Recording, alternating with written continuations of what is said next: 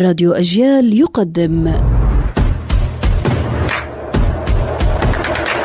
أصل الكلام عارف حجاوي؟ إبليس كلمة يونانية أصلها ديابولوس.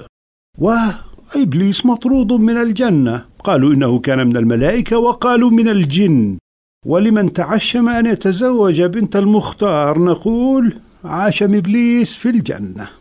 وقال المثل لو إبليس بفوت على الجنة الحما بتحب الكنة. الشيطان كلمة سامية عربية عبرية سريانية والشيطان مصطلح حديث. عندما تحشد كل الأحداث الصحيحة والزائفة لتدمغ شخصا وتسقطه في الأعين فأنت تشيطنه. الإخوان المسلمون يشيطنون عبد الناصر والقوميون يمجدونه. والواقع أنه كان زعيما متسلطا عمل أشياء جيدة وسيئة بنى الصناعة في بلده وقوض الإقطاع.